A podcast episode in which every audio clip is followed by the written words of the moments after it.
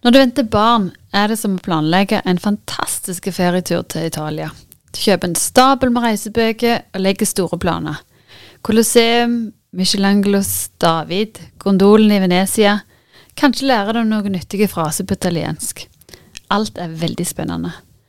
Etter en måned med ivrige forventning kommer endelig dagen. Du pakker kofferten og drar av sted. Flere timer seinere lander flyet. Flyvertinna tar mikrofonen og sier Velkommen til Nederland. Nederland, sier du. Hva mener du med Nederland? Jeg har bestilt tur til Italia. Jeg skulle ha vært i Italia nå. Hele livet har jeg drømt om å få reise til Italia. Men det er en endring i flyets rute. Det er landa i Nederland, og der må du bli. Det viktige er at du ikke kommer til et ekkelt, skittent sted fullt av nød og sykdom. Det er bare et annet sted. Så du må gå ut og kjøpe nye reisebøker og du må lære et helt nytt språk. Og du vil bli nødt til å møte mange nye mennesker du ellers aldri ville ha møtt. Det er bare et annerledes sted. Det er roligere enn i Italia. Ikke så prangende som i Italia. Men når du har vært der en stund, og du har fått pusten tilbake, ser du deg rundt. Og du begynner å legge merke til at Nederland har vindmøller, og Nederland har tulipaner. Nederland har til og med Rembrandt. Men alle du kjenner er travelt opptatt med å reise til og fra Italia. Og alle skryter av hvor fantastisk det er der. Og for resten av livet kommer du til å si ja, det var der jeg òg planla å reise. Og smerten med det vil aldri, aldri bli borte. For tapet av en drøm er virkelig et tap. Men hvis du bruker livet på å sørge over at du ikke kom deg til Italia, vil du aldri kunne nyte den helt spesielle og skjønne sidene med Nederland.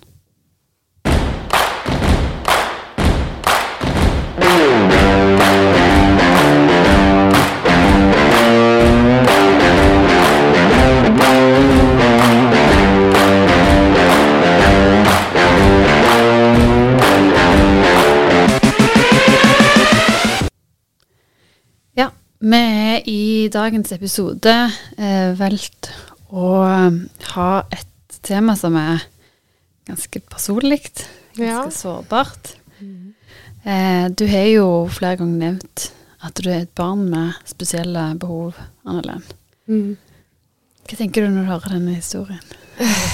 Vet du hva, den historien der eh, hørte jeg eh, ca. et halvt år etter vi hadde fått eh, vite at du hadde en kromosomfeil. Og jeg husker at jeg eh, Jeg ble bare helt knust, og tårene bare rant. Fordi at den historien der, det var sånn Jeg delte den på Facebooken min eh, ikke så veldig lenge etterpå det.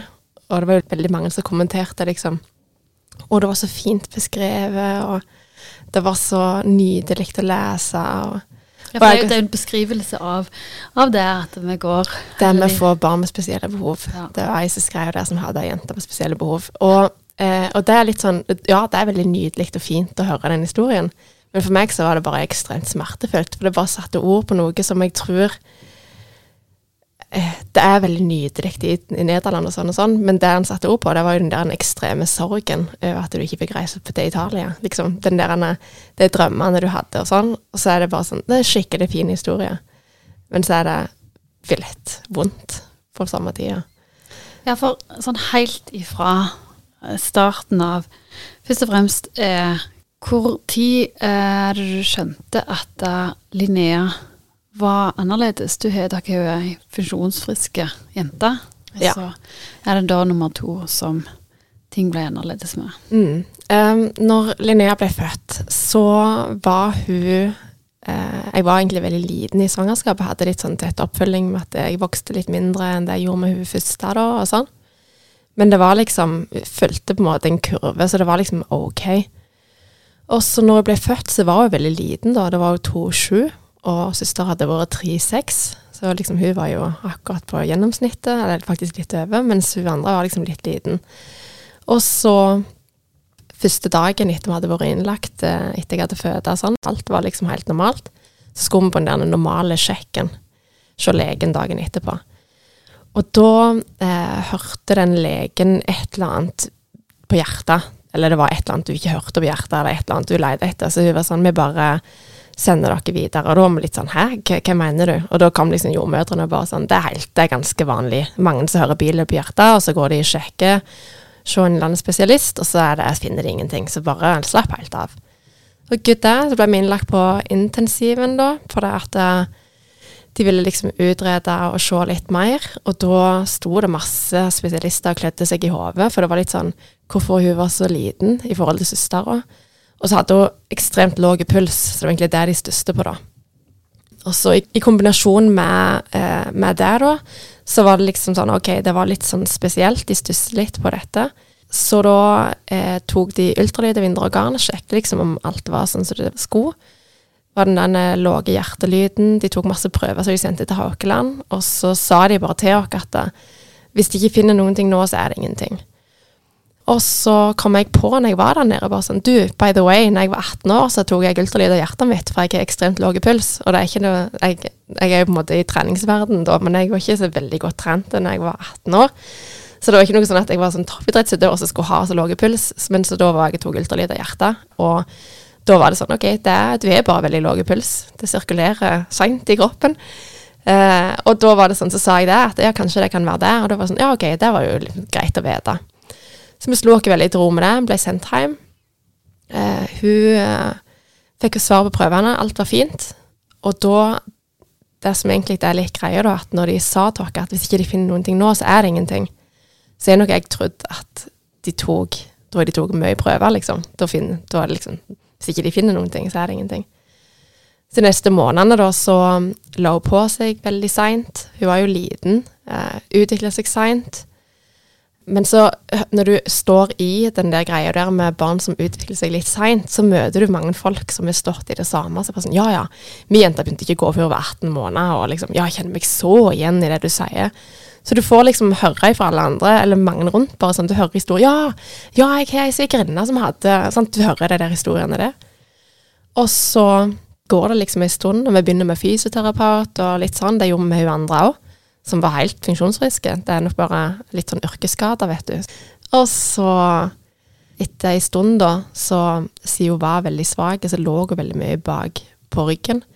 Så hodet ble litt flatt, og da var hun, hun kiropraktoren som vi gikk litt til, da. Hun sa det at det, kanskje hun skulle tatt en sjekk på at ikke hodeplaten er grodd sammen, for det kan skje, og da må de i tilfelle ta en operasjon før ungen er ett år. Så vi ble henvist til sykehuset, og så skulle vi på denne sjekken her for å sjekke om liksom, hodeplatene var grodd sammen eller ikke. Men det var ikke et tema engang. Da var det bare snakk om syndrom. Og vi fikk sånn støkk. Bare sånn Hæ? Hvorfor? For da reagerte de liksom på OK, lav vekt, utvikling seg seint, eh, veldig eh, Sleit veldig med å ete. Eh, det var mange ting, da, som eh, Og vi Og det er sånn mannen har sagt det i ettertid, at liksom bare sånn Det ga på en måte litt mening. På samme tida så var det sånn Vi hadde liksom hele tida gått og hatt det der ordet i bakgrunnen at liksom Hvis ikke de finner noen ting nå, så er det ingenting. Litt den der greien at liksom, vi hadde jo liksom tatt den der sjekken. Så, så da, da starta de egentlig en utredning, og det var det var helt forferdelig, fordi at da skulle de ta agent Eller først ja, de mistenkte et syndrom, da som de tok og sjekket med en blodprøve, og så avkrefta de det med en gang. Og da var det sånn OK, nå skal vi ta gentesting. Og jeg visste jo Altså, jeg Dette kan, kunne jeg ingenting om.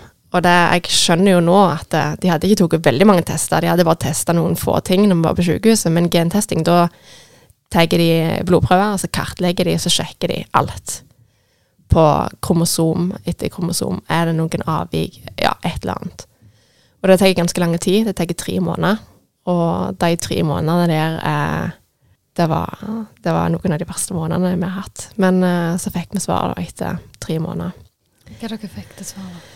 Eh, da fikk jeg eh, Da jobbet jeg på skolen her på Varhaug på ungdomsskolen. Og så hadde jeg akkurat ferdig første uka. Så satte jeg meg i bilen, så jeg hadde ubesvart anrop fra et eller annet 51-nummer. Og det hadde jeg på en måte lært meg til etter hvert at det var fra sykehuset. Så da ringte jeg opp igjen. Og så sier hun eh, legen da at ja, de har funnet noe, og diagnosen består bare av tall og bokstaver. Det er ikke en diagnose som et navn, for det er en unik eh, kromosomfeil. så sa hun bare at eh, ja, det er eh, 7 Q 22,1 til 22,2 en mikrodedisjon, da. Og det vil si at eh, Shit. Ja. Og, jeg, og det er litt sånn, dette, det var dette jeg fikk, på en måte. Og jeg var sånn Jeg hadde jo ikke peiling. Hva, hva vil det si? Hva, og jeg har sendt et brev også om dette. Men hun sa at uh, i grove trekk da, så er det at hun eh, mangler bitte litt på et kromosom. Hun kunne liksom ikke si så mye mer, for hun visste ikke heller hva det var. Og så sa hun at vi kunne bli henvist til genteknisk, men det kunne være et halvt års ventetid. Så, så det var på en måte ja, historien, eh, eller når vi fikk vite diagnosen, da. Ja, altså hvordan eh, På veien her, da, både i de tre månedene og i det første året til Linnea, hvordan var det i forhold til hennes utvikling, da? Fram til hun var elleve måneder, så ammet jeg henne annenhver time dag og natt. Så jeg husker når jeg var, hun var elleve måneder, jeg var på en sånn kontroll på helsestasjonen, og da husker jeg at jeg bare satt der og var helt Jeg var så sliten. Og jeg var sånn Jeg, jeg tror ikke jeg orker dette mer. Men vi fikk jo ikke til å ta flaske. Vi fikk ikke gi henne mat. Vi måtte lure henne i, for hun Vi vet jo det nå, hun hadde refluks. Altså vil si eh, ganske sånn Ikke bare liksom at du gulper, liksom, sånn som mange unger gjør, men når hun fikk noe bak i halsen, så på en måte bare brakk hun seg. Så jeg sleit jo. Jeg fikk enormt sånn dårlig opplevelse med mat, men jeg klarte på en måte lure jo litt mat. Men uh, da var jeg så sliten, ja. Så sa hun helsesøster at uh, ja, men uh, hun trenger det. For hun følger jo så vidt kurven sin, og hun er, hun er liksom kjempe Hun burde vært mye tyngre enn det hun er. Og hun vekte jo like mye når hun var elleve måneder, som hun storesøster hadde gjort når hun var tre måneder. Så det var liksom ganske forskjell på, på de to jentene, da. Også, men hun hadde ikke vært sjuk før det. da, Vi hadde begge jentene hjemme. Eh, hun eldste òg var ikke i barnehagen ennå, eh, så vi hadde hatt veldig lite sykdom. Men da ble hun syk for første gang, og da ble vi innlagt på sykehuset. For hun, etter en lang runde, for hun holdt ikke på noen ting mat. Eh, hun raste ned i vekt, og hun hadde ikke mye å gå på i utgangspunktet. Og det var sånn, når vi kom inn, så var det Det var så vidt de klarte å sette inn venefloden, for det at eh, hun var så dehydrerte. Så det var litt sånn, det var ganske alvorlig, men jeg det var jo litt sånn avslappa hele tida, for at jeg var så veldig sånn Det er jo ingenting liksom spesielt og sånn, men husker bare når jeg kom inn da, da var jeg bare Det gikk litt opp for meg at shit, liksom. Her sitter jeg med livet til ei jente i hånda mi, og det, det kunne gått skikkelig gale. Så etter det så, så var vi inn og ut eh, av eh, sykehuset. Det var egentlig når jeg var elleve måneder, eller rett før jeg var to ett år, da, så ble vi innlagt for første gang.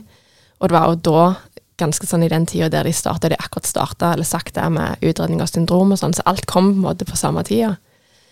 Så de neste månedene der når vi egentlig gikk og venta på svar på gentestinga, eh, og fram til vi fikk svaret, så var vi innlagt på sykehuset sju runder. Og vi var, vi var så knekte på alle måter over å gå og vente og ikke vite. Og det er litt den der, den der Italia-Nederland-beskrivelsen der. Den, det var liksom en sånn ekstrem eh, berg-og-dal-bane som bare vi klarte ikke å håndtere, på en måte, for det var så, det var så altoppslukende. Og så har du liksom gått og trodd i et år at du er ei frisk jente, og så plutselig så har du ikke det. Og det Ja. Det, det var liksom Jeg husker vi var i Dyreparken, vi hadde vært innlagt på sykehuset. Hun hadde fått sonde nedlagt eh, og sånn. Reiste til Dyreparken for å gjøre noe kjekt den sommeren. Og jeg husker liksom at jeg gikk der og så eh, to søstre. Det var ganske garantert at de var søstre, for at de var så eh, like. Så jeg gikk og trilte på hver i barnevogn, og jeg begynte bare å grine. Det var bare sånn. For det er liksom noe med den der drømmen som blir knust. At du bare, Det var sånn det skulle være. De to jentene våre skulle liksom bli bestevenner. De skulle få unger i lag. De skulle Ja. Og så Ja, for de er ganske tette, disse jentene deres. Altså. Ja, det er bare 17 måneder mellom de. Ett skoleår. Så det var, det var liksom planen deres Ja. for deg, da. Vi skulle få to, to tette unger, og når vi fikk vite at hun minste var jente, så var jeg bare sånn fy søren, Brynjar, at vi skulle jo kunne være så heldige. Det var liksom bare jackpot. Uh, så ja, så det var Det var egentlig ganske sånn sjuk eh, psykiske påkjenning som, eh, som jeg ikke klarer å beskrive. Det var bare helt sånn Det var bare surrealistisk, rett og slett. Ja, det er jo som vi som ikke har opplevd det, kan jeg også si at det Eller det blir så, det blir så billig å si at jeg forstår, for jeg vil jo aldri forstå. Uh, men samtidig så greier du likevel å kjenne på den der sorgen over det, den, altså den tanken en gjerne har i hodet når en skal få barn. Ikke sant? Den forestillingen og den der forventningen om at ting skal være normalt, eller ting skal være sånn som du leser om i bøkene når du skal til Italia. Mm. ikke sant? At det, det er denne reisen. Og for deres del så, visste, så var det jo ikke Nederland engang, det var jo et, land som ingen kjente til. Mm. Sånn, så Ja. det er ingen reisebøker her. Nei, det var det det ikke var. Og det er litt sånn som du sier med at eh, vi ikke kan forstå, for det, at det Jeg hadde nok lenge en forventning eller et håp om at folk skulle forstå, men så er jeg liksom for liksom erkjent, eller liksom bare sånn OK, det går ikke an å forstå dette. Jeg hadde ikke heller forstand det hvis ikke jeg hadde gått gjennom det. Og det er jo en del av læringa på veien, da. Og så er det litt sånn Jeg klarer nok å overføre litt av erfaringene mine, eh, og det tror jeg nok kanskje mange av kan overføre litt hvis de har hatt erfaring med å få en kreftdiagnose eller alvorlig. Jeg tenker sånn så Tanja forteller om når faren plutselig ble pleietrengende i rullestol. Eh, og så er det sånn, det går ikke an å sammenligne, men på samme tid er det liksom noe med den der tankene og drømmene om den, det du trodde, sånn du trodde livet skulle bli. Og så plutselig så bare snus det rett opp ned på et øyeblikk. Og så må du liksom bare Ja, du må faktisk bare omstille deg. Og, det, og jeg tror liksom det å få barn med spesielle behov, eller det å oppleve noe annet, er krise i livet, det er liksom, jeg tror nok du kan kjenne på mange av de samme følelsene, selv om vi erfarer jo ting forskjellig. da.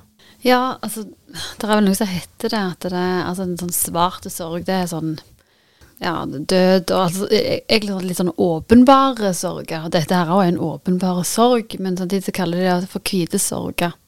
Og, og det, det er jo når noe skjer som Kanskje det er veldig annerledes enn det en kan forvente, eller det en forventer av livet, da, på et vis. Altså, I hvite sorger så ligger det jo alltid fra skilsmisse til, sant. Og så, så er det en sorg som en alltid vil bære med seg inni der. Og det, det er jo ja, utrolig vanskelig å forklare for andre, da. Uh, men uh, i forhold til det at livet ble annerledes, hvordan uh, så denne Altså, hun er fem år, Ja, hun blir seks dette året. seks år. Mm. Og ifra da, når hun da var ett år, dere var mye inn og ut av sykehus, hun tok egentlig ikke til seg noe særlig mat, vokste ikke normalt. Mm. Hvordan er den reisen vår? Hvor er hun i dag? Um, hva, hva, hva skjedde på veien, da? Ja, Mm. på veien. Ja, nei, det har, det har virkelig vært en reise. Det er litt sånn som du sier, du får, eh, du får en ganske sånn avansert eh, Lego-ting du skal bygge, og så er det ikke bruksanvisning. Så må du bare Jeg vet ikke hvordan det skal se ut, jeg vet ikke hvordan vi skal gjøre dette, men du må bare prøve deg fram. Og det, sånn har det vært litt eh, med Linnea. Vi fikk jo denne her konsultasjonen med genetisk eh, i januar, og vi fikk diagnosen i august, så vi fikk ca. et halvt år etterpå. Mm. Uh, og når jeg kom til denne konsultasjonen, så hadde jeg googla så mye på PubMed at jeg visste jo faktisk mer om barn med liksom forskjellige utfordringer eller kromosomfeil i samme område som Linnea, enn genteknikeren visste. For det er så unikt og så spesielt, og det er vanskelig å finne informasjon om det. Så det var litt sånn OK, vi får ikke mer informasjon enn dette. Det er, ja, det er så bra som det blir. Hun er, hun er den eneste personen i den internasjonale databasen som er registrert med akkurat denne kromosomfeilen.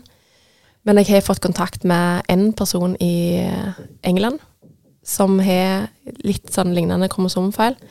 Og så vet jeg om en person i Sør-Afrika. Det er liksom det. Eh, snakk med mødrene til disse ungene her, da. Men det som er er våre utfordringene, eller det som er våre greier til Linnea, da, at hun er eh, Hun har jo en mild funksjonshemming, eller moderat funksjonshemming per definisjon. Mm. Hun har lite språk. Hun sier ja og nei, og mamma og pappa, og mamma er do, og altså kan kødde og alt sånne her ting. Men uh, hun bruker tegn til tale. Hun har talemaskin, sånn iPad som hun trykker på. Hun, har, mm, hun er det veldig lite. I den sommeren vi var innlagt ganske mange ganger, så fikk hun ganske mange sondenedleggelser. Som gjorde at hun fikk et traume i spiserøret, sånn at refluksen ble bare enda mer forsterka. Så med en gang hun får mat bak i svelget, så brekker hun seg. Så hun klarer ikke å ete noen ting. Og det, den høsten når vi hadde fått diagnosen, så da hadde vi sikkert Jeg vet ikke hvor mange innleggelser vi hadde hatt, men da, da sto jeg der med i armene igjen, i nesten livløse. Og hun hadde ikke fått mat i seg på mange, mange dager. Og da opererte de i knapp i magen, som vil si at de har en måte Det er akkurat som en sånn bade, badeballballong, sånn, eller sånn åpning, så du bare åpner opp, og så kobler på mat, så får du direkte mat rett i magesekken. Så det er jo en ting. Og så er hun eh, litt, hun liksom fysisk forsinka ganske lenge. Vi ble jo fysioterapeuter, vi ble sykepleiere, vi ble pedagoger. Vi ble alt oppi dette fordi vi måtte lære oss hvordan vi skulle legge til rette for at hun skulle få den utviklinga hun trengte for å bli ja, den beste versjonen av seg sjøl ut ifra hennes forutsetninger. Så vi har drevet med treninger og ja, og det, jo måte, det ligger jo på en måte naturlig for min del, men det å jobbe med unger som er forsinka, det er litt annerledes enn å stå og lufte på vekter med voksne folk. Så det har vært en reise. Og så, he, ja, så er hun veldig sensitiv i forhold til lyd og lys. Spesielt lyd og mye folk. Så hun blir litt uh, Hun, hun har liksom ikke Hun har ikke forutsetningene for å klare å regulere seg sjøl når det blir for mye for henne. Så da i perioder så har det vært har jo hatt forskjellige måter å utagere på, eller å reagere på. Mm. Så det kan ha vært liksom at du bare slår, eller eh, sånne ting. Men det er liksom dabba litt mer av. Så nå er det mer sånn at du bare enten bare begynner å grine, eller bare går vekk, eller ja. Og hvis du blir veldig, veldig oppskaga, så kan det ende opp med at du bare kaster opp. For det, det, det er jo på en måte Ja. Det var, gjorde veldig mye da jeg var liten. Så i perioder da, så kasta opp eh, i mellom 10 og 20 ganger til dagen når vi var liten. Så med vaskemaskinene Det var godt ikke å dyre strøm da, for å si det sånn. Vaskemaskinene gikk i ett, og ja. Så det har vært mye. Det har vært mye. Det er sånn jeg nesten, når vi sitter og snakker om det nå, så er det sånn jeg nesten har glemt. Eller heldigvis har jeg det. Heldigvis, egentlig, ja. At vi er sånn som mennesker at vi, vi glemmer de verste tinga, da. Mm. Uh, men uh, hvordan dette påvirker dere som, uh, som familie? Hvordan ble dette bildet? Eller hva, hva ting er det som ja, Hva ting er det dere ikke kan gjøre, da?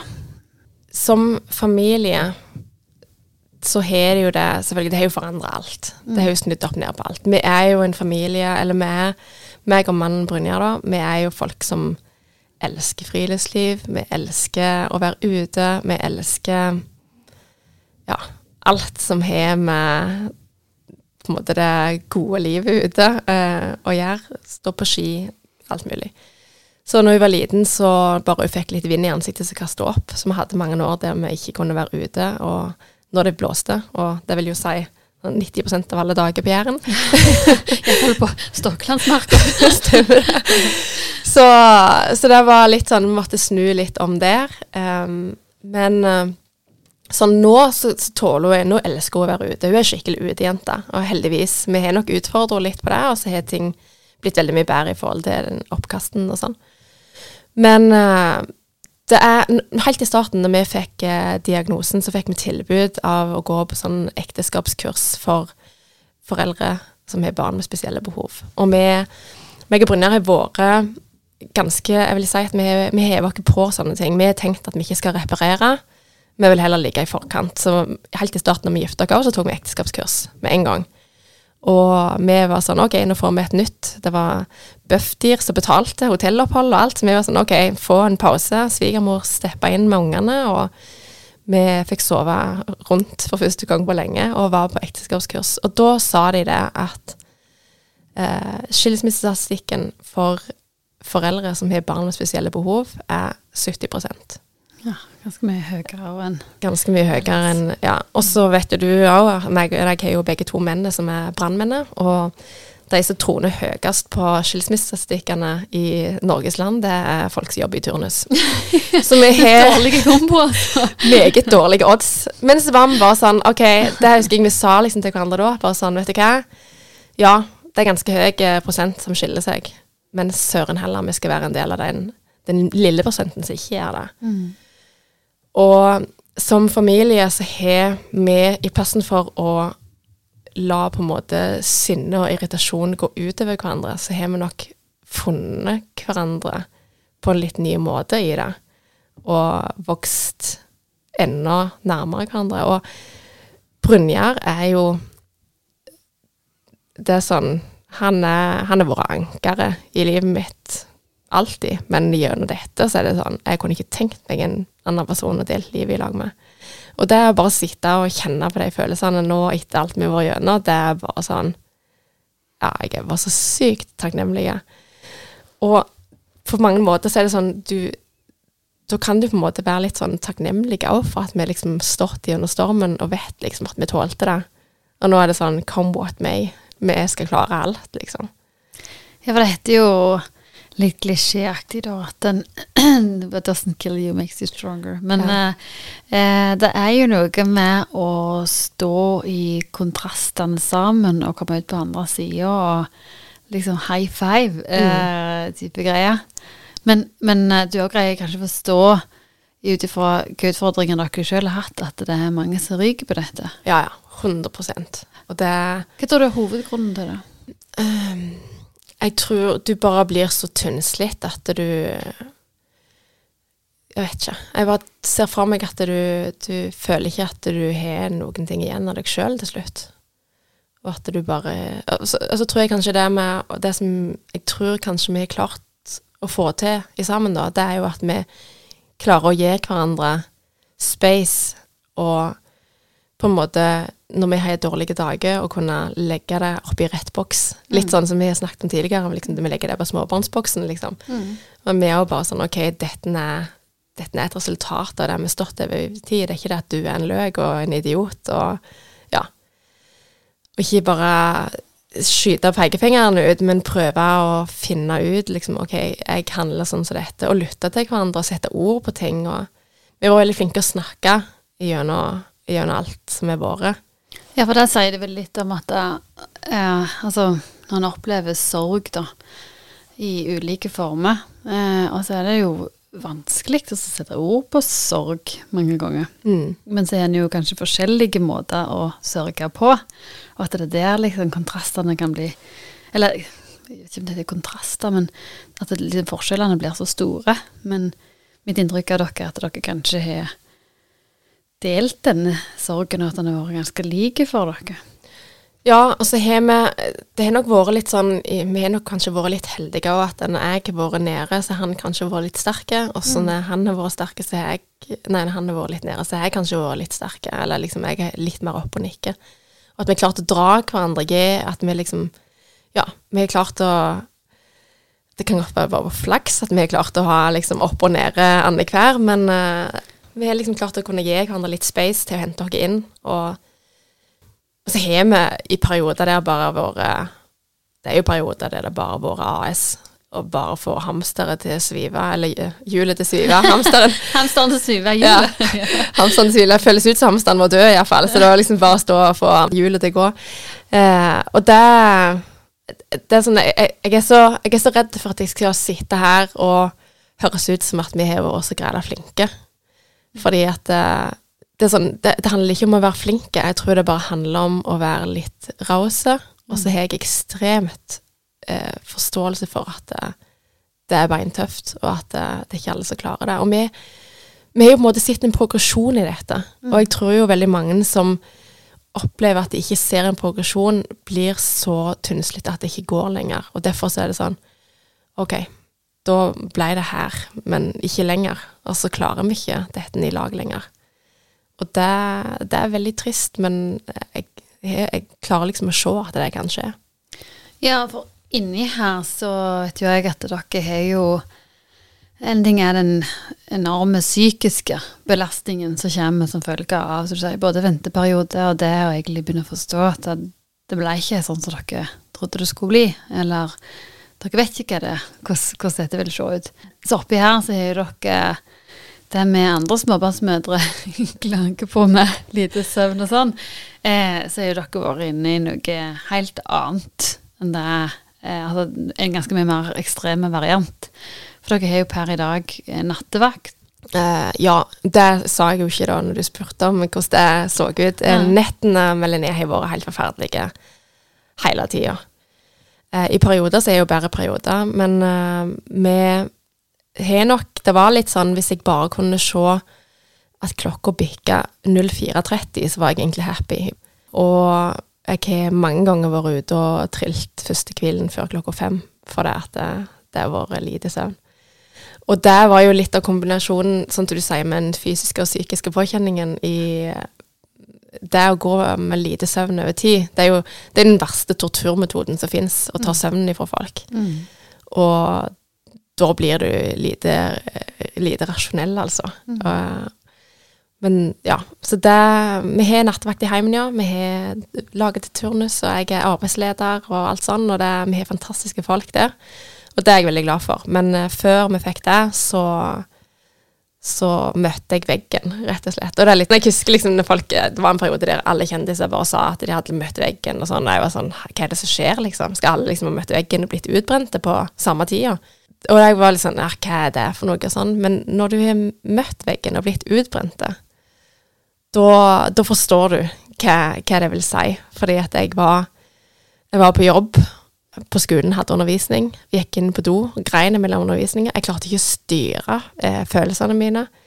Jeg var, jeg var så utmattet. Jeg sov ikke og hadde liksom 100% jobb og alle ting som skjedde med sykdom innimellom der og ja. Ja, For du begynte i full jobb etter permisjonen din? Ja, jeg hadde jo jobbet ei uke når jeg fikk vite diagnosen. Ja, stemmer det. Ja, Så jeg var i full svev og hadde blitt kontaktlærer som nyutdanna lærer, og alt i sammen. Så det var, det var, det var kjempetravelt. Du hører nå at det er galskap? Ja, og det er litt sånn som du sier, at det, av og til så kan du sitte liksom i, Eller sånn når du står i det og kjenner på sorg og alt det der. Mm. Men det er, så fort, det er så lett å sitte på utsida eller på i ettertid og så si halve min hvorfor Ja, hvordan gikk det? og sånn. Jeg fatter jo ikke at det gikk. Men jeg gjorde jo ikke det heller. Jeg, jeg ble sjukmeldt i et halvt år.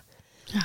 Jeg var jeg, jeg, var jeg var så tynnslitt. Jeg hadde ikke mer igjen. Det var jeg, Til slutt så var det sånn Jeg trente ikke på tre måneder. Det er noe jeg har gjort alltid. Mm. og til slutt, når jeg ble sjukmeldt, så var det sånn jeg måtte liksom Jeg måtte begynne å gå tur. Og det var det jeg gjorde en hel dag. Jeg leverte ungene i barnehagen hvis ikke Linnea var sjuk. Og så gikk jeg tur, og så var det det jeg gjorde den dagen. Eh, Det var ikke mer igjen. Og det, det, var, det var ganske heftig, ja. Ja, men jeg bare mener at dette med, sånn som med søvn, da, er hvor eh, ekstremt stor rolle det spiller eh, Mm. på så sier jeg både eh, parforhold eh, og kunne forholde seg til en jobb og kunne håndtere en ganske heftig beskjed som vil påvirke deg resten av livet. Altså det, det er ganske sånn eh, heavy pot eh, som du skal deale med der. Mm. Det er iallfall veldig sånn åpenbart når en står på utsida og hører denne historien, at dette er too much. Mm. Så, så tror jeg jo at um, Ja, en skal jo aldri uh, En skal virkelig ikke undervurdere det. Og det har vært med i, i med, vært med dere hele veien, men dere fikk etter hvert uh, altså da hjelp ifra uh, Hva skal jeg si Kommunen. Ja, ja. Ja. ja det blir kommunen sant, som går inn med mm. Mm. ja jeg eh, måtte ta en liten runde der. Vi er, vi er veldig heldige. Eh, nå bor vi her i Hå kommune. Mm. Eh, veldig, veldig takknemlige for det. Men det har jo vært noen runder der òg, og det er jo det som veldig mange i, som har barn med spesielle behov. Det, det er fort gjort og, eh, jeg, og, og det er jeg så livredd for at jeg skal oppfattes som bitter over dette. For det, det, det jobber jeg virkelig for å ikke bli. Mm. Vi har sittet på så mange samlinger med, i ulike settinger. Sant? Vi var på ekteskapskurs, vi var på alle mulige samlinger inne på barnehabilitering i Stavanger, da, og møter så mange folk som er så sinte. Og det, det tror jeg er et resultat av at du står og stanger over lang tid. Du kommer ikke fram. Eh, du kommer ikke gjennom med det du ønsker. Du, trenger, du vil du kjemper bare alt du kan men det er på klør for ungen din, og så får du liksom ikke den hjelpa du trenger. Og vi òg har Jeg jeg skriver mange sinte sinte meldinger til både Nav og vært i møte med kommunen og sånn. Men til, slutt nå så har vi på en måte funnet en løsning som er veldig, veldig bra, som gjør at vi kan på en måte deale med dette. Og det er vi veldig takknemlige for. Ja, for det, det er jo eh, mange som kommer i situasjonen der de må ha altså, institusjoner eller altså, avlastning i ulike former. Hvordan er det for dere? Vi er bare så ja, jeg vet ikke hvor Jeg klarer ikke å sette ord på hvor takknemlige vi er for alle folka vi har i livet til Linnea. Vi har to fantastiske avlastningsfamilier som bare Ja, de er bare Kunne ikke spurt om å fått bedre hjemme. Det er bare sånn Hun elsker å være der. Og da liksom for min del, hvis vi skal ha ei avlastningshelg, da, og vi skal komme og levere Linnea til deg, så vet jeg at hun har det helt fantastisk. Og da klarer jeg å slappe av. Men så har vi også nattevakt, da, og bruker litt sånn Vi med BPA, så sånn brukerstyrt personlig assistent, da. som jeg kan bruke litt sånn, fordele timene sånn som vi vil. Sånn så i helga så spurte jeg eh, den ene familien da om de kunne ha noen timer, og så tok jeg meg ei treningsøkt på terrassen, f.eks., og tok meg en dusj alene. Og det, det er litt sånn vi bruker timene, Mm. for hun trenger kontinuerlig tilsyn. Ja, hva som skjer når hun ikke er tilsyn, da? Hun er bare ikke i stand til å ta vare på seg selv. Hun er jo fortsatt liten, men uh, storesøster er jo bare ett og et halvt år eldre, og hun eh, klarer seg veldig fint uh, og leker i gatene og liksom alt det der greiene der som Linnea ikke kan gjøre. Hun bare er veldig altså, Vi har kartlagt, kartlagt henne mentalt, så er hun ca. to og et halvt år. Ja. Og det, du, du lar ikke en to og et halvt åring være alene. Nei. Nei. Så litt uh, Ja. Jeg har jo møtt uh, Linnea. Hun er et uh, veldig, uh, veldig skjønt lite vesen. Lite jente med tegnspråk og Altså, det er jo igjen det der med annerledeshet og at det ikke um, Jeg syns jo det er sånn skummelt og liksom sånn, ja jeg synes jo du, du legger alltid sånne spesielle behov. Altså, det vil si, du sier at hun er, hun er annerledes, hun har andre behov, mm. men hun er ikke sjuk. Altså, hun er bare annerledes, Mm. for det er det hun er. Og hva, hva, eh, hva glede har dere? Altså, hva, hva, hva gjør denne annerledesheten med dere, da?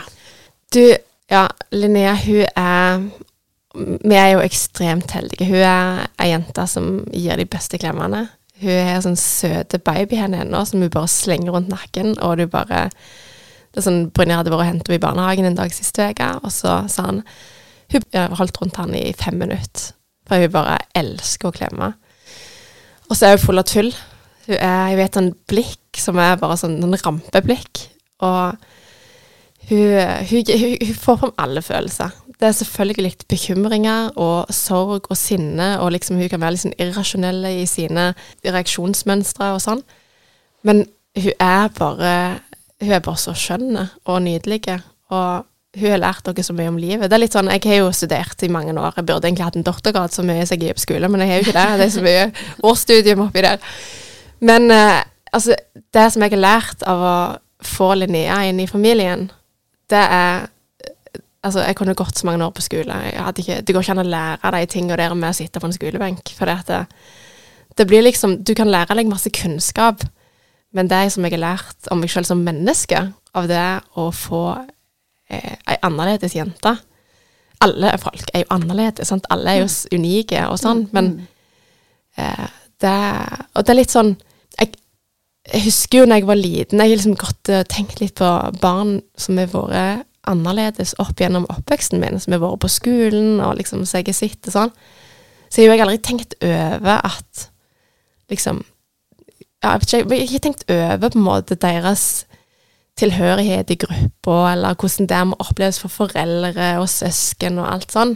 Men de tinga er jo sånn ekstremt sånn Altså, hjertet mitt dunker jo eh, for disse ungene som har spesielle behov, eh, som er annerledes, fordi at det, det er så fort gjort at de blir tilsidesatt. Mm.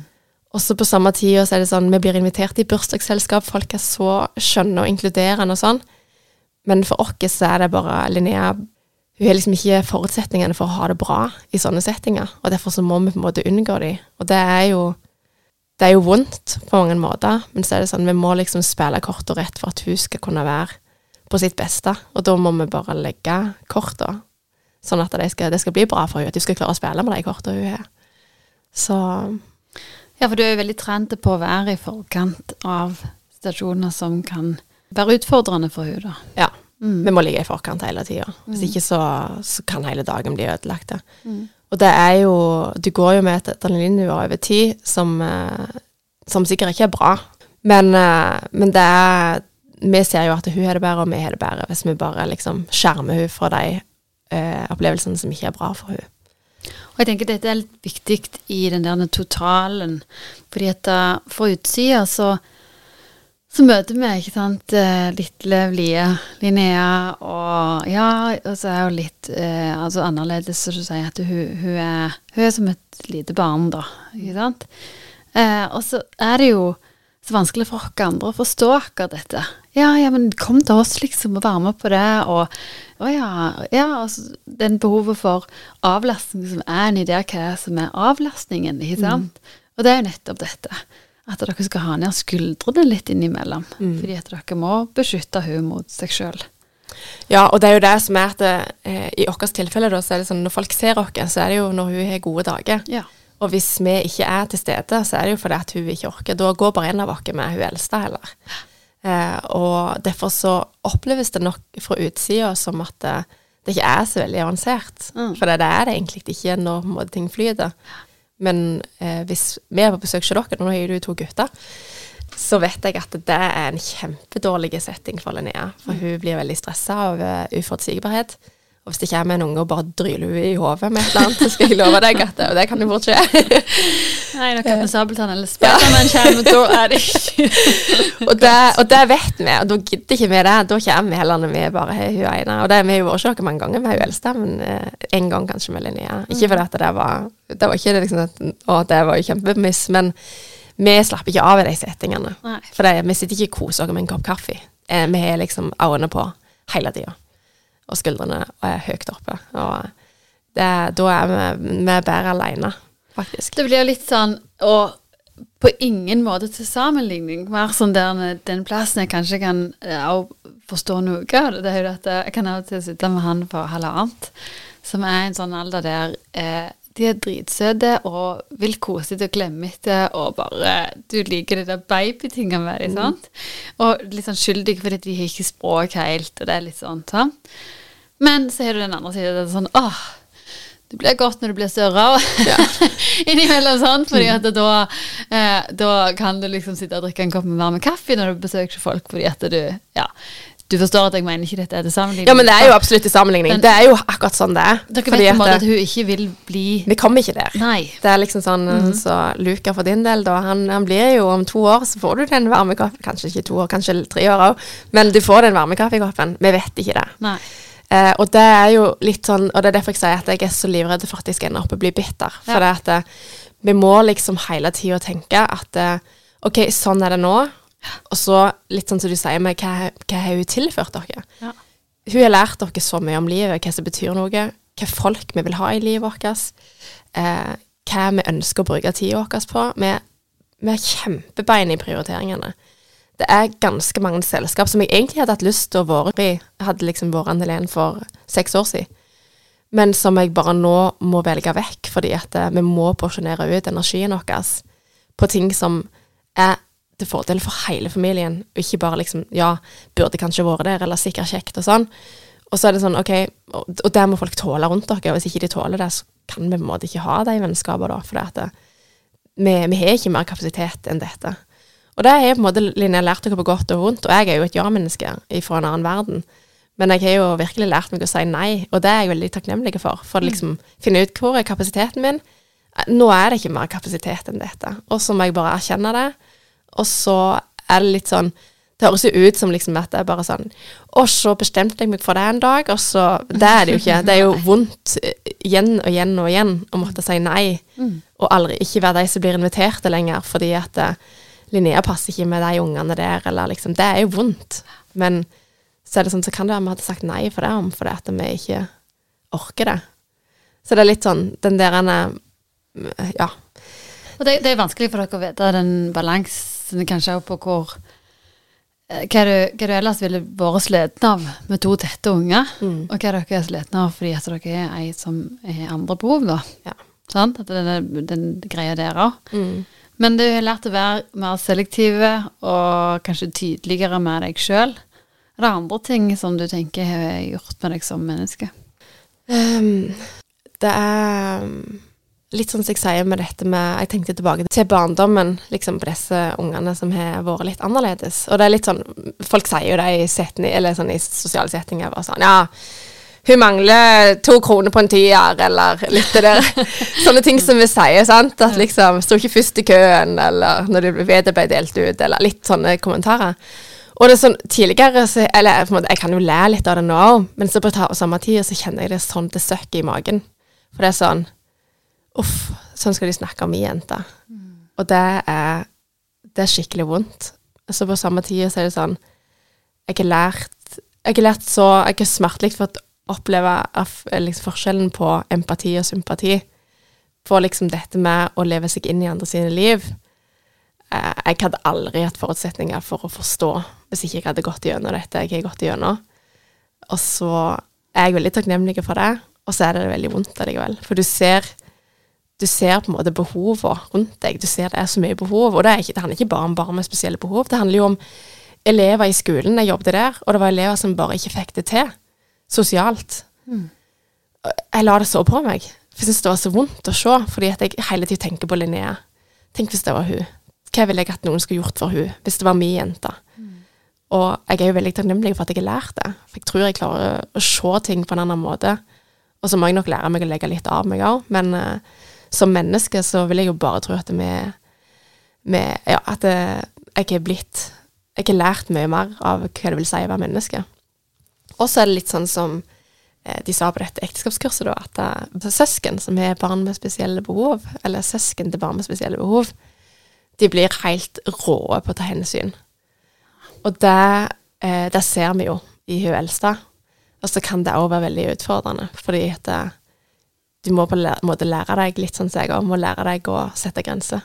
For at du kan ikke alltid bare ta hensyn. Og det må hun hele tida hjemme. Og når hun kommer på skolen og igjen må ta hensyn, så blir hun veldig sliten. Så det er, det er en Du må navigere deg i noen skills her som jeg eh, ikke hadde trodd vi skulle forholde oss til, men jeg tror jo at det, det er veldig bra på mange ting. Og så er det litt sånn, når du leser ei bok Du vet jo at jeg elsker å lese bøker. Eh, og når du leser ei bok, så, liksom, så tenker du sånn at du kanskje vet litt hvordan historien kommer til å bli. Og det er litt sånn, med, sånn tilnærming vi har til livet òg, at vi tenker at ja, vi vet at det, det cirka kommer til å ende sånn. Vi kommer til å få Vi har lyst på så mange unger, vi har lyst til å bo der og bygge det huset, og så den karrieren, og så ja. Så skal vi bli besteforeldre, og så blir vi pensjonister, og så skal vi begynne å golfe. Og liksom, du, du ser for deg en sånn reise i hodet. Og, og så plutselig så kommer det et kapittel oppi der som bare snur opp ned på alt. Plutselig får du en diagnose, du får kreft, eller du kommer i ei bilulykke, eller du får et barn med spesielle behov. Og, og så tror jeg at det er så Det er ganske fort gjort å la det bli med det kapitlet. At det, stopper der, eller at det er for å definere resten av boka. Men de bøkene som jeg har lest, der du liksom opplever en sånn sinnssyk hendelse, og så går du videre, og så klarer du liksom å omskrive hele historien. Ja, det kapitlet der, det, det forandrer alt. Det preger hele boka. Eh, men det kan likevel, du kan sitte igjen og lukke igjen boka og bare sånn Fy søren. Det er det sjukeste jeg har lest. Eller fytti, det gjorde noe med meg. Du får, du får jo et rikere perspektiv i livet, da. Mm. Jeg tenker jo at uh, om uh, det kan høres kanskje aldri så feil ut, så, så kanskje syns jeg de mest interessante menneskene jeg har møtt, er jo folk som har en litt annen dybde, fordi at de sitter med en historie som har prega dem. Mm. Og ikke prega i form av at de går rundt og er bitre, men prega i form av at de, de bare ser uh, verden på en helt annen måte. Og, og, og at du Altså, det, det opplever jo jeg med deg, at det er liksom sånn der dramating Altså, det blir så lite i en store sammenheng. Uh, og det Da blir liksom ikke eh, to uker med influensa. det nei, altså, jeg vet ikke hvordan jeg skal si det, men du skjønner hva jeg mener? Altså, Ja. du, du har med deg en sånn kontrast hele veien til alt i livet. Det, men det kan kanskje påvirke deg sånn at det, hvis noen klager til deg, hvordan syns du det er da? I starten, når vi hadde fått diagnosen og vært inn og ut av sykehus, og du liksom ser at jenta di er på randen til å klare dette livet, liksom, eh, så var jeg bare sånn Jeg syns alle rundt meg var idioter. Det er jo en bok som heter 'Omgitt av idio- idioter'. Sånn, Den kan jeg skrive da, liksom. Eh, fordi at jeg var bare sånn Fy søren. Altså, kom liksom småbarnsforeldre og klagde på at jeg sov lite, og jeg var bare sånn ja, hva fillen forventer du? Om du tror at ungen din på åtte måneder skal sove så måtte Jeg var sånn jeg, var, jeg, jeg sa jo ikke det, men det var sånn Jeg holdt på å koke inni meg. Og så er det litt sånn En av mine beste venninner sa det til meg at eh, Men Anne-Len, jeg, jeg, kommer alltid til å tape hvis jeg og deg skal liksom måle opp hvem som har det verst. Men jeg har veldig lyst til å dele livet med deg. Eh, og, og så håper jeg liksom at jeg kan si disse tingene uten at det, liksom, det er fælt, for jeg vet at du har det mye verre enn meg. Og jeg var sånn Selvfølgelig har jeg lyst at folk skal si ting. Så det er sånn, ja, og vi klager litt for mye kanskje i dette landet her, og vi klager over småbarnslivet når vi egentlig burde hatt altså, det er liksom, så jeg tenker sånn, Hva forventer du det første året når du har en unge? Det kommer sykdom på rekker av. Ja, du får spysjuke i småbarnsperioden, sant. Men jeg også syns det er drit når det skjer. Mm. Men jeg har måttet snu Jeg har måttet jobbe litt med meg sjøl for å ikke liksom synes at alle er idioter. For det at nå når vi har fått ting litt på avstand, så, så syns jeg òg det er drit når vi får et eller annet som er helt normalt, eller vi får dårlige netter. Eh, selv om vi har nattevakt, så kan jo hun andre jenta òg bli sjuk. det er jo liksom sånn og, og, det er livet. Og det er jo sånn jeg ønsker å ha det. Jeg ønsker jo at vi skal kunne være ærlige, og det er jo derfor jeg kommer på jobb. Vi har jo snakket om det òg når jeg kommer på jobb. bare Åh, det er der ungene. Og så er det sånn det Jeg syns jo det, men så kan vi le litt av det, så flåser vi det vekk, og så går det fint. Og det er nok litt den holdningen jeg har til det, at det, vi kan godt klage, men ta klag litt med glimt i øyet, og så kom dere videre. Eh, for det at det, det Ja. Hva, for, hva, skal vi forvente liksom ellers? Eller hvordan skal vi klare å se gledene i livet? Og det er jo litt, det er jo det en av de tingene som kanskje Linnea har lært meg, da, at det, når jeg bare setter meg i sola. Så jeg, jeg, kan ha så mye takknemlighet over å få et sånt øyeblikk. Og det, tidligere så hadde jeg nok bare liksom Å ja, jeg skal drikke det, jeg skal sitte på en vask med klær, og så suser jeg livet av gårde. Men å bare stoppe opp og prøve å nyte de fine øyeblikkene som vi får, det, det, er nok kanskje det jeg er mest takknemlig for. At, uh, du verdsetter mer de små tingene, da. Ja. Mm. Eller bare når du får de store øyeblikkene òg. Liksom ja, ja. sånn Fy søren, dette er drøyt. Jeg blir jo litt sånn uh, eh, nyfrelst når jeg forteller om når jeg opplevde sånn når jeg hadde vært i Barcelona. Jeg har fått litt tilbakemeldinger at det er flere som vil til Barcelona etter jeg snakket om det. Men det er litt sånn jeg er blitt. at det, når jeg opplever sånne ting, så blir jeg bare sånn Å, fytti, det er så magisk. Å, det er så fint. Å bruke store ord fordi at det, det er sånn, sånn, det er blitt i livet. At det, det, blir så stort for meg. Men tenker du at du er der at du har um, akseptert sånn det ble, eller er det dager der du kjenner at du ikke har det? På mange måter så har jeg akseptert at liksom Det er sånn det er. Ja. Men så kommer det jo nye settinger hele tida, der det på en måte blir vanskelig for deg, så må du akseptere på ny. Det er akkurat som måte du må leve i aksept og velge det. Mm. For, for, min del da bare det å hente i barnehagen. Mm. Nå, nå, går hun siste år i barnehagen. Ungene som er like gamle som hun, kommer inn og bare 'Jeg skal fylle hjem', og liksom Og de snakker, og de har så godt språk, og sånn, og så kommer Linnea, og så, så kan ikke hun sette ord på dagen sin, for hun klarer ikke å fortelle det. Og jeg syns jo det er helt Jeg suger jo til meg liksom de skjønne jentene som kommer og forteller. Og så på samme tid så er det sånn Det er litt vondt òg. Fordi at åh, jeg skulle, jeg skulle ønske at Linnea kunne på en måte fått lov til å sette ord på det som hun kjenner på, det som hun har lyst til å fortelle, og så får hun på en måte ikke til å gjøre det. Og det er litt sånn Jeg tror eh, sorgen vil jo alltid ligge der, litt sånn som bølger. I starten så var det jo på en måte det bare skyldte over oss, og det var liksom, vi klarte liksom ikke Det var så mye at vi klarte ikke å håndtere det. og det var da vi ble veldig sånn bitre og syntes alle var duster og alt sånn, sant? for det var så overveldende, det vi sto i. Mens nå er det mer sånn Det bare kommer sånne små bølgeskvulp innimellom. Når du minst venter det, og så må du på en måte bare puste litt med magen og gå videre. For du kan ikke begynne å grine der i barnehagehenting, og ingen som fatter hvorfor du gjør det, liksom. For dette eh, Ja. Det er jo bare litt sånn som du sier, det med å leve med hvite sorger. Mm. Og det er sikkert litt sånn det er og det er litt sånn vanskelig å sammenligne, men jeg tenker sånn folk som har mista en person de er glad i, så tenker kanskje folk at når det er gått ei tid, så på en måte Ja, så er det vekke. Men mm jeg tror det vil være litt sånn dere òg, at det, det, kommer sånne små greier. Bare sånn 'Åh, dette øyeblikket her', eller 'Det minner meg om den personen', og at det, det, er litt sånn Du klarer ikke akkurat å styre på en måte når sorgen kommer tilbake. Eller, jeg husker ei som mista mannen sin. Hun la ut et sånn vers på en måte om akkurat det. Eh, at det at sorg fungerer litt sånn at i starten så er det akkurat som et hav, da. Mm. Uh, og det skyller, og det herjer, og det er storm, og så videre. Og så roer det seg, og så kan det være dager der det er helt blikkstille. Og så mm. er det dager der det er litt sånn krysninger, og så er det dager der den hiver en stein uti, og så er det ringer som eller ringvirkninger av det. da. Det er sånn Mm. fint bilde av sorgen at den kommer som du sier, i, i porsjoner litt etter hva situasjoner dere er i.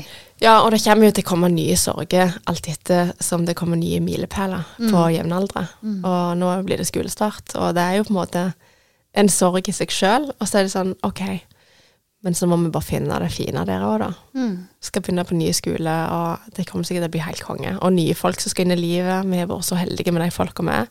Så er det en sorg med å si ha det til de folka som har vært så viktige i livet, og så kommer det nye folk som skal være viktige i livet. Og vi er jo ekstremt avhengige av gode folk Mm. rundt dere, eh, og det har vi vært så heldige med. og Ja, for de er veldig tett på dere. De er i huset og ja, jeg føler jo nesten at vi gjør, eh, blir foreldre i lag. mm. For det blir så nært, og det er så mye Ja. Linnea knytter bånd til dem som om de skulle vært oss. Og, og det er veldig fint, og så er det veldig sårbart, da. Det er litt sånn som de sto med i den der innledningen, at eh, du møter folk som du aldri hadde møtt hvis ikke. Og på en måte hjertet Linnea er jo så heldig å se så mange folk som er glad i henne. Selv om det ikke er jevnaldra unge som er vennene hennes, så er jo veldig mange voksne, fantastiske folk som oppriktig bare er virkelig, virkelig glad i henne og vil jo det beste. Det, er- ja, det er jo til å grine av. Følelser med Anne-Len. så ja. Åh, fy søren. Jeg syns det er utrolig fint av deg å dele denne historien i stor respekt til eh, Linnea og til dere som eh, i det. At det er jo igjen Det snakke om annerledesheten, ikke sant? At den er der, og hva det innebærer. For det er utrolig vanskelig for mange å forstå rundt. Mm. Men historier hjelper oss jo på det. Ja, det er litt sånn, hvis jeg skal oppsummere det, det er litt sånn, av og til er det litt vanskelig når du skal sitte og snakke om dette, fordi at det, det kan bli veldig sånn medisinsk.